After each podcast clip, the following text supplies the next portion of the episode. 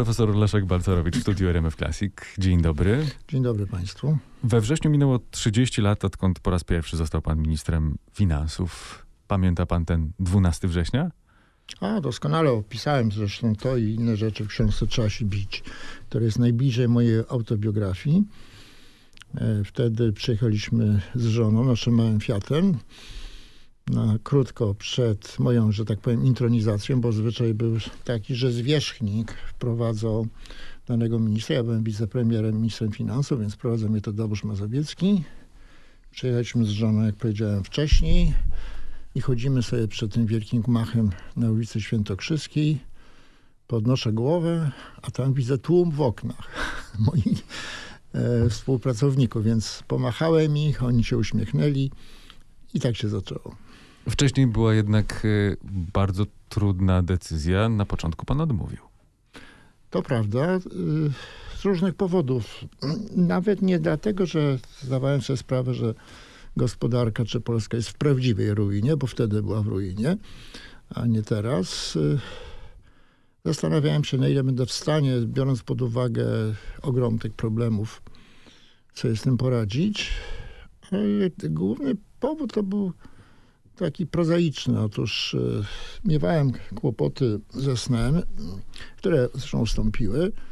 No i zastanawiałem się, no jeżeli ja zaakceptuję, a one by się pojawiły, to czy będę w stanie dobrze pracować. Na szczęście mój brat ciotęczny, którego traktuję jak brata jest lekarzem, powiedział, że to nie jest problem. A ponadto, że jeżeli odmówię teraz, to do końca życia będę żałować. No i to przeważyło, jak sądzę. I się zgodziłem i tak się to zaczęło. Była też y, pokusa wprowadzenia pewnie rozwiązań, nad którymi pan pracował wiele lat wcześniej. No, gdyby nie te wcześniejsze prace, to nigdy bym się nie zgodził. Y, pierwszy etap miał miejsce w końcówce lat 70., od 78 roku. To są zamierzchłe czasy. Wtedy nikomu się nie śniło, że Związek Radziecki czy Sowiecki może zniknąć i że w związku z tym Polska będzie miała możliwość prowadzenia demokracji i gospodarki rynkowej.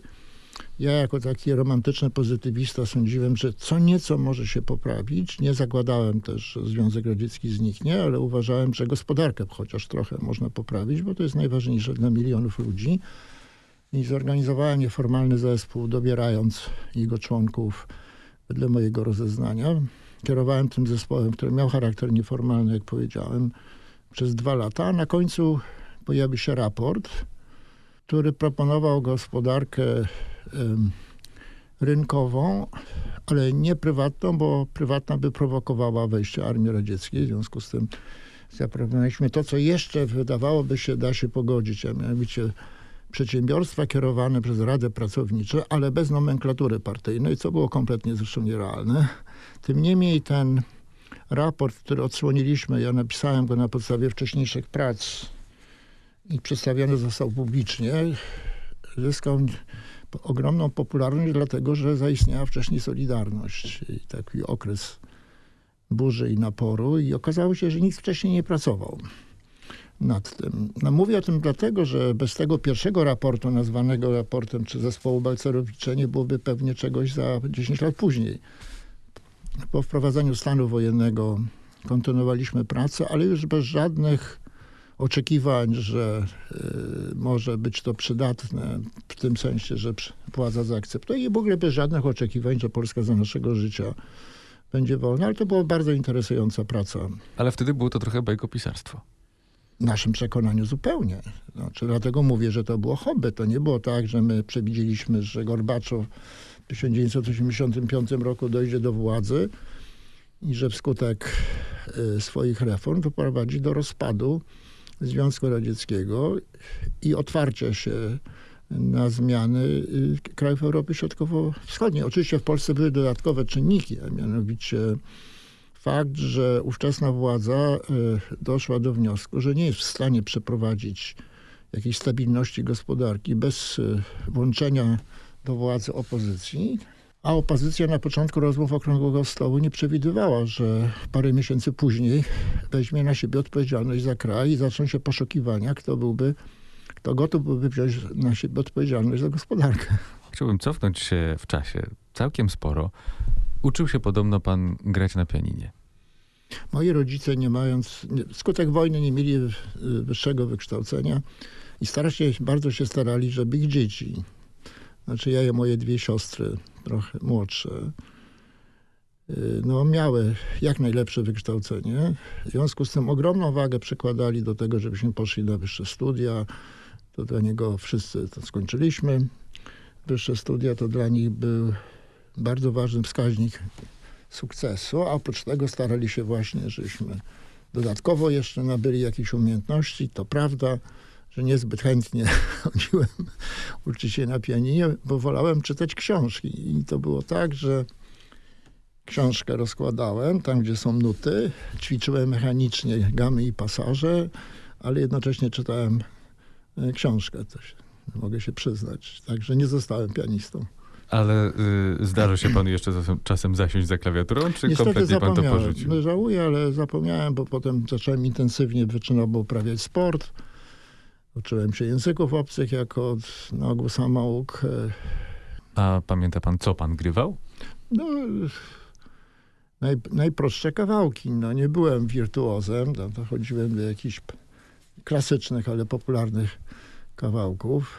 Przypominam sobie taki dla mnie wówczas nieprzyjemny incydent, bo chodziłem do ogniska muzycznego, się nazywa ognisko muzyczne, nie chodziłem do szkoły muzycznej i wybijający się uczniowie odgrywali publicznie jakieś wybrane kawałki. Ja byłem jednym z nich, no i niestety zapomniałem końcowych akordów.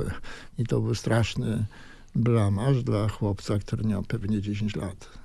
I wtedy pan postanowił przerwać karierę muzyczną. Nie, to tak stopniowo na, na, następowało, bo to zostało wyparte, czy było stopniowo wy, wy, wypierane przez y, inne zainteresowania. Przede wszystkim przez sport. Wspominał pan ten sport. Y, To były biegi wyczynowe, ale od czegoś innego się zaczęło. A, y, od y, różnych takich konkurencji uprawianych domowym sposobem na podwórku. Toruniu na ulicy Kościuszki 86. To była taka proletariacka dzielnica, były podwórka i z kolegą z sąsiedztwa uprawialiśmy skok z miejsca, trójskok. Zbudowałem sobie stojaki do skoku wzwyż i też skakaliśmy. Y, Ostatecznie przyciągnęła mnie, przyciągnęły mnie biegi, biegi średnie, bo to był czas wielkich sukcesów polskiej drużyny lekkoatletycznej nazywanej słusznie Wunderteamem, cudownym zespołem. I został pan mistrzem. No to po paru, dwóch czy trzech latach zaczęło się od tego, że poszedłem na boisko nieistniejącego już chyba klubu Pomorzanin i trafiłem od razu do trenera i na dzień, kiedy odbywały się w całej Polsce tak zwane biegi narodowe, to znaczy przedstawiciele różnych dyscyplin biegali na określonym dystansie dwóch czy trzech okrążeń, czyli tam tysiąc czy więcej metrów i ja od razu wystartowałem i okazało się, że wygrałem. No więc uznałem, że będę trenować e, biegi średnie. Ty- Byłem w klasie maturalnej, to trafiłem na obóz juniorów lekkiej atletyce, nawet uczestniczyłem w reprezentacji Polski w jakichś meczach międzynarodowych. I rzeczywiście, jak już byłem na pierwszym roku studiów na Wydziale Handlu Zagranicznego ówczesnego SGPiS-u, to wygrałem biegi przełajowe. To, to się odbywało w Otwocku, zostałem mistrzem Polski i pomyślałem sobie, co pomyślą moje koleżanki i koledzy w Toruniu. Dużo trzeba było trenować, żeby zostać mistrzem w tamtym czasie? Generalnie, żeby odnosić jakiekolwiek sukcesy w sporcie wyczynowym, to trzeba du- dużo trenować. I na ogół treningi nie są przyjemnością, albo w każdym razie nie trenuje się dla treningów, tylko trenuje się dla sukcesów. No, jak, gdy osiągnąłem pewien szczyt swoich możliwości, przynajmniej przejściowo, to uznałem, że no, skoro przestaję wygrywać, no to zajmę się czymś innym. Sport, y, szczątkowo też muzyka dały panu e, coś, co przydało się później? Jakiś zestaw umiejętności, podejście do życia, do y, pracy nad sobą? Znaczy, zwykle bywa tak, że to ze względu na jakieś predyspozycje, czy to fizyczne, czy to psychiczne, ludzie robią to czy owo, a nie odwrotnie. Że skutek uprawiania czegoś zmieniają swój charakter. Ja myślę, że charakter jest generalnie w swoich zasadniczych zarysach dany, ale pewne umiejętności tak. No ja studiując na Wydziale Handlu Zagranicznego, ucząc się jednocześnie dwóch czy trzech języków, y, uprawiałem wyczynowo sport. W związku z tym nauczyłem się albo zwróciłem większą uwagę na gospodarowanie czasem. 10 minut to jest bardzo du dużo czasu, czyli przez 10 minut można dużo zrobić. w tym sensie pewnie mi ten sport godzony z innymi zajęciami pomógł. Jak pan wykorzystywał ten czas? Jak pan y, planował sobie dzień? Jak to wyglądało? No jak powiedziałem, uczyłem się również y, języków. Ja nie miałem na, w, lice, w liceum nie miałem języka angielskiego, miałem niemiecki i rosyjski. Pod wpływem swojego starszego brata ciotecznego uczyłem się tych języków i to w taki sposób, że traktowałem to jako hobby. Jak? Kolekcjonowanie zwrotów przez czytanie książek w różnych językach. Oprócz tego potem zacząłem się uczyć hiszpańskiego. No więc 10 minut na to, żeby coś przeczytać, wyłowić jakiś zwrot. No i oczywiście trzeba go zapamiętać. To na przykład y, robiłem.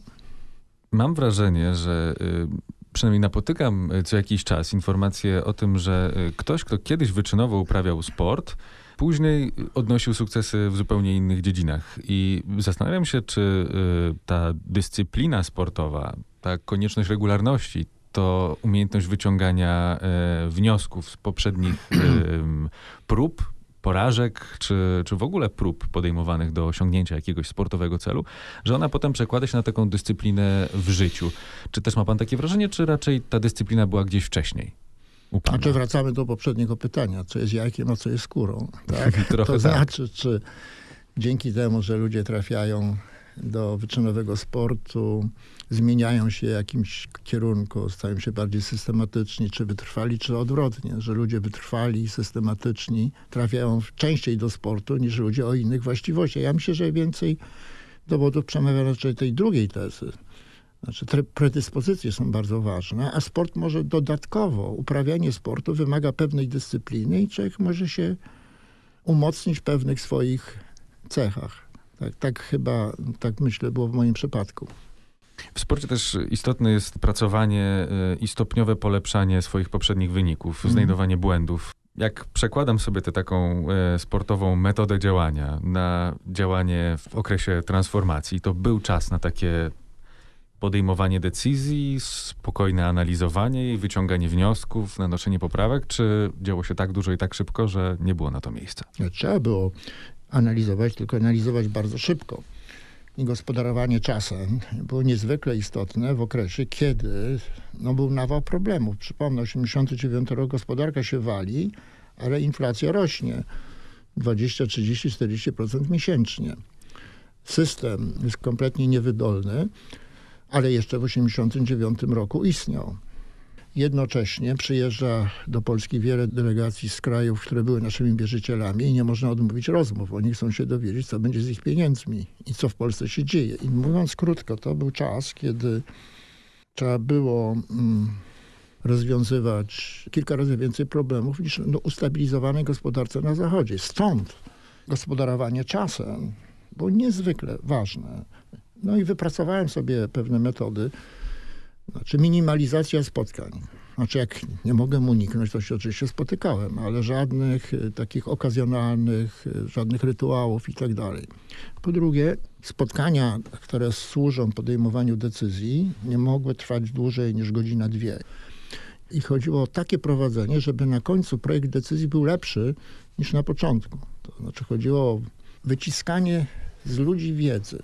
To wymagało odpowiedniego składu, czyli dobru ludzi do problemu, ale jednocześnie takie kierowanie dyskusją, że ona będzie zgodna z y, ogólną strategią.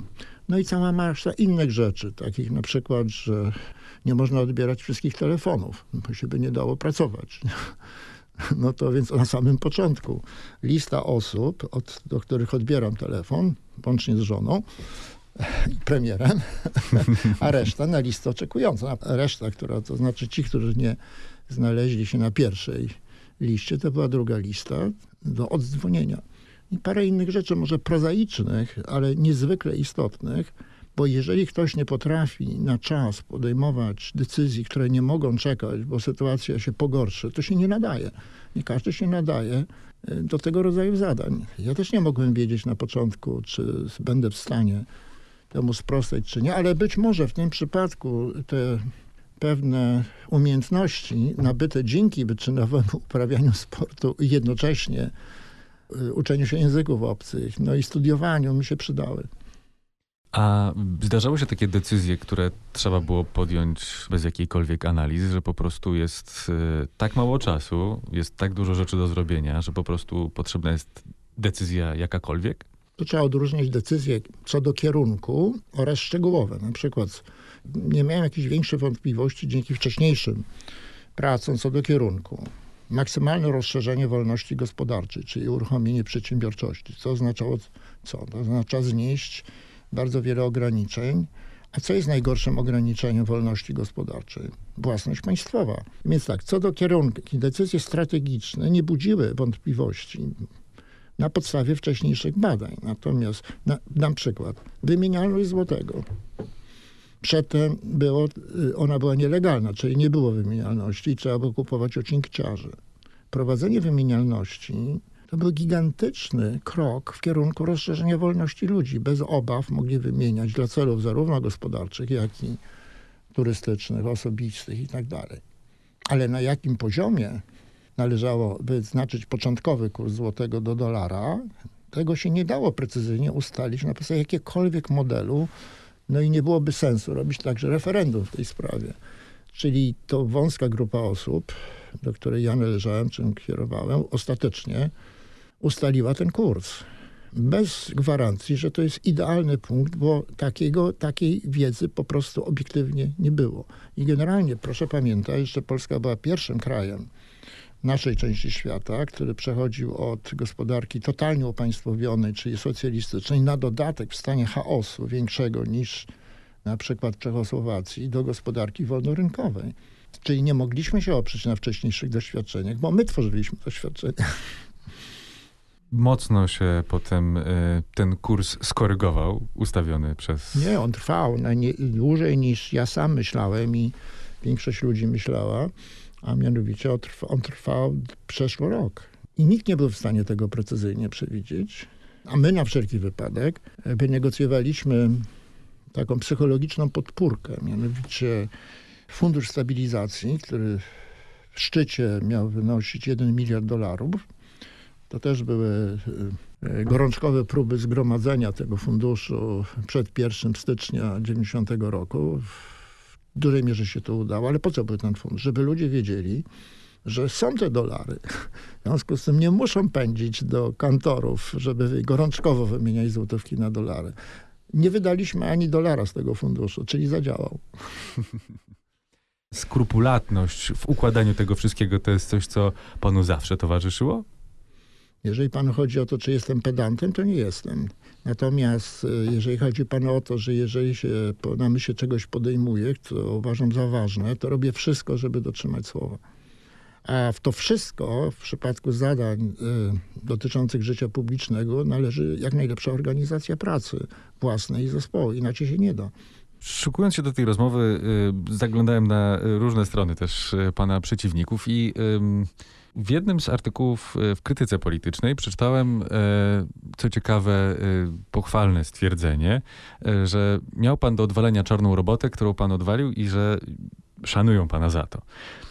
Pan też to na to patrzy jako na czarną robotę, to co było do zrobienia w czasie transformacji? Dla mnie to jest niesłychane wyróżnienie. Bo proszę popatrzeć, ja się akurat przez trochę przypadek albo dzięki mojemu hobby zajmowałem różnymi ustrojami polityczno-gospodarczymi i po pewnym czasie doszedłem do wniosku, nieoryginalnego może, że socjalizm jest najgorszym ustrojem współczesnym, bo on odbiera ludziom wszystkie wolności, nie tylko gospodarczą, ale w konsekwencji odebrania wolności gospodarczej musi odebrać ludziom inne wolności. Działa źle dla ludzi, więc jak utrzymywać ich w posłuszeństwie? Zastraszyć. No i na drodze badań doszedłem do wniosku, że system wolności, łącznie z gospodarczą w ramach państwa prawa, jest o wiele lepszy, ale nie marzyłem że za mojego życia to będzie wprowadzone. Nagle się to okazuje, że to jest możliwe. No i uczestniczenie w tym, tym przedsięwzięciu było dla mnie ogromnym wyróżnieniem, choć oczywiście wiązało się z, z niesamowitym stresem. Ale tego się nie dało uniknąć. To byłbym naiwnym, gdyby sądzić, że to będzie bez stresu. Pamięta pan jakąś taką najczarniejszą robotę do wykonania, najtrudniejszą decyzję, którą trzeba było podjąć i która bolała? Z tym bólem to ja może chcę powiedzieć, że dość często mówi się o społecznych kosztach transformacji, czyli odejściu od socjalizmu. Ale ci, co nie mówią, to czy oni się zastanawiają, jakie były społeczne koszty nieodchodzenia od tego strasznego, upadającego systemu, to niech popatrzą chociażby sobie na Białoruś. To, to nie jest upadający socjalizm, ale to jest małe odejście od socjalizmu, żadnej wolności i żadnego, żadnych perspektyw na to, żeby poziom życia mierzony ekonomicznie się poprawił. Ale to jest też chyba tak, że y, krytycy, którzy mówią o społecznych kosztach transformacji, y, nie mają na myśli tego, że należało zostawić socjalizm w spokoju, tylko że ta transformacja być może mogła przebiegać w nieco inny sposób, tak żeby te koszty społeczne były nieco mniejsze. Oczywiście, że mogła. Tylko trzeba, żaden z nich nie jest w stanie wskazać na kraj, w którym dokonywano by mniejszych zmian, a który by nie wyszedł na tym jak Zabłocki na mydle. I na tym polega jakby powiedzieć, brak rzetelności w tych krytykach. Ja jestem otwarty na krytykę, ale opartą na dowodach, a nie na sloganach mniejsze. Więc I to, to, tego wymagamy w sądach, tak długo jak są niezależne, w nauce, w rzetelnej dyskusji, że im mocniejsza teza, tym mocniejsze dowody. A my mamy do czynienia z mocnymi tezami, które są odwrotnie proporcjonalne do dowodów. A najprostsze pytanie, które zresztą zwykle zadaję tym krytykom, czy, pokażcie kraj, który miałby w punkcie startu podobnie złą sytuację gospodarczą jak Polska, zastosował inną strategię, która by polegała na tym, że mamy mniej zmian i wiodących do wolności gospodarczej i osiągnął lepsze niż Polska rezultaty. Takich krajów, takiego kraju po prostu nie ma. Natomiast inne kraje, które zastosowały podobnie radykalną strategię, osiągnęły podobnie dobry rezultat są kraje nadbałtyckie. Estonia, Łotwa, yy, Litwa. Z pewnym opóźnieniem. A na drugim krańcu mamy kraje, które yy, zamroziły socjalizm. To się dzieje 90, od 1994 roku na Białorusi. To były autentycznie wolne wybory, wybrane, wygrane przez Łukaszenkę i ostatnie wolne wybory. I on tak zamroził quasi socjalizm. No i Ukraina, która z innych powodów, mając więcej niż my problemów, nie dokonała na początku całościowych reform. No i jest ogromna różnica. My byliśmy na, mieliśmy poziom życia y, podobny do Ukrainy w 1989 roku. Na jak duże oceniał pan ryzyko podejmowanych reform wówczas, w tamtych czasach? Bo y, wyczytałem w książce Karola Modzelewskiego, y, który zacytował y, profesora Witolda Trzeciakowskiego, który wówczas w czasie transformacji nazwał plan Balcerowicza skokiem na główkę do basenu, w którym nie wiadomo, czy jest woda. To było takie ryzyko? Liczył się pan z tym, że może tej wody nie być, albo może być jej za mało? To jest jedna z takich y, nieszczęśliwych, y, ale y, chwytliwych, bo zakłada, bo nie porównuje, bo tak zakłada kompletny brak wiedzy po jednej stronie i nie mówi, co by było, nie pokazuje alternatywnego rozwiązania. Wszystkie twierdzenia, które odnoszą się tylko do jednego wariantu, bez porównania go z innym wariantem, są bałamutne. One są bardzo częste dla mnie i mojej ekipy, dzięki naszym wcześniejszym pracom, była jasność o to, że wybór jest taki, że jeżeli będziemy odchodzić wolno lub kawałkami od y, socjalizmu, to nigdy się nie oderwiemy. To znaczy, to będzie klęska, pewna klęska. A jeżeli pójdziemy na radykalną strategię całościową, to mamy szansę na wygraną, to znaczy na y, sukces, ale z ryzykiem. Czyli z jednej strony bardzo ryzykowna strategia, z drugiej strony beznadziejna. No każdy rozumny człowiek wybierze ryzykowną, bo wie, że jest lepsza niż beznadziejna. I wielu tych krytyków, łącznie z Bodzelewskim zresztą, oni nie porównywali wariantów. To zresztą było zadziwiające, bo dobry historyk e, nie porównuje wariantów, jakie istniały w sytuacji przełomowej. I dla mnie to porównanie, które brało się z wcześniejszych badań, że taki mamy wybór, było najważniejsze. Bo ja wiedziałem, że przegrana będzie bardziej prawdopodobna, jeżeli zrobimy za mało, niż za dużo. A typowy polityk rozumuje, ja nie mogę zrobić dużo, bo się narażę.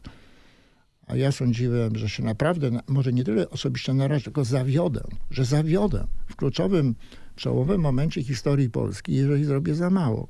Ale to się brało z wcześniejszych analiz. Z perspektywy tych 30 lat, jak pan patrzy na te decyzje, które pan wtedy podejmował, to wszystko zrobiłby pan tak samo? Co do strategii, nie znajduję, jak, jak powiedziałem, w doświadczeniach i analizach porównawczych lepszej, więc nie widzę powodu, żebym powiedział nie, trzeba było wolniej albo po kawałku. Przeciwnie. Jeżeli by się tylko dało, ale nie wiem, czy by się dało, to warto było zrobić więcej na początku, bo tu jest dodatkowy argument nieekonomiczny, natury psychologicznej czy politycznej. A mi się po każdym politycznym przełomie, po odzyskaniu niepodległości, to jest pewien czas, który nazywałem czasem nadzwyczajnej polityki, kiedy ludzie są skło bardziej skłonni niż normalnie akceptować zmiany traktowane jako trudne. Im więcej się tych zmian zrobi w tym okresie, który może trwać rok, dwa, tym lepiej, bo potem jest trudniej. Więc to był dodatkowy argument. Ale wracam do pana pytania. Co do strategii, nie mam danych, które by pokazywały, że lepiej było zrobić inaczej, czyli na pewno nie, na pewno nie wolniej. A co do konkretów, to gdyby się dało na przykład zrobić reformę podatków, którą próbowałem zrobić w 1998 roku, już y, w czasach premiera Buzka, to miałaby ona większe szanse na początku, ale znów nie jestem pewien, czy dałoby się to zmieścić.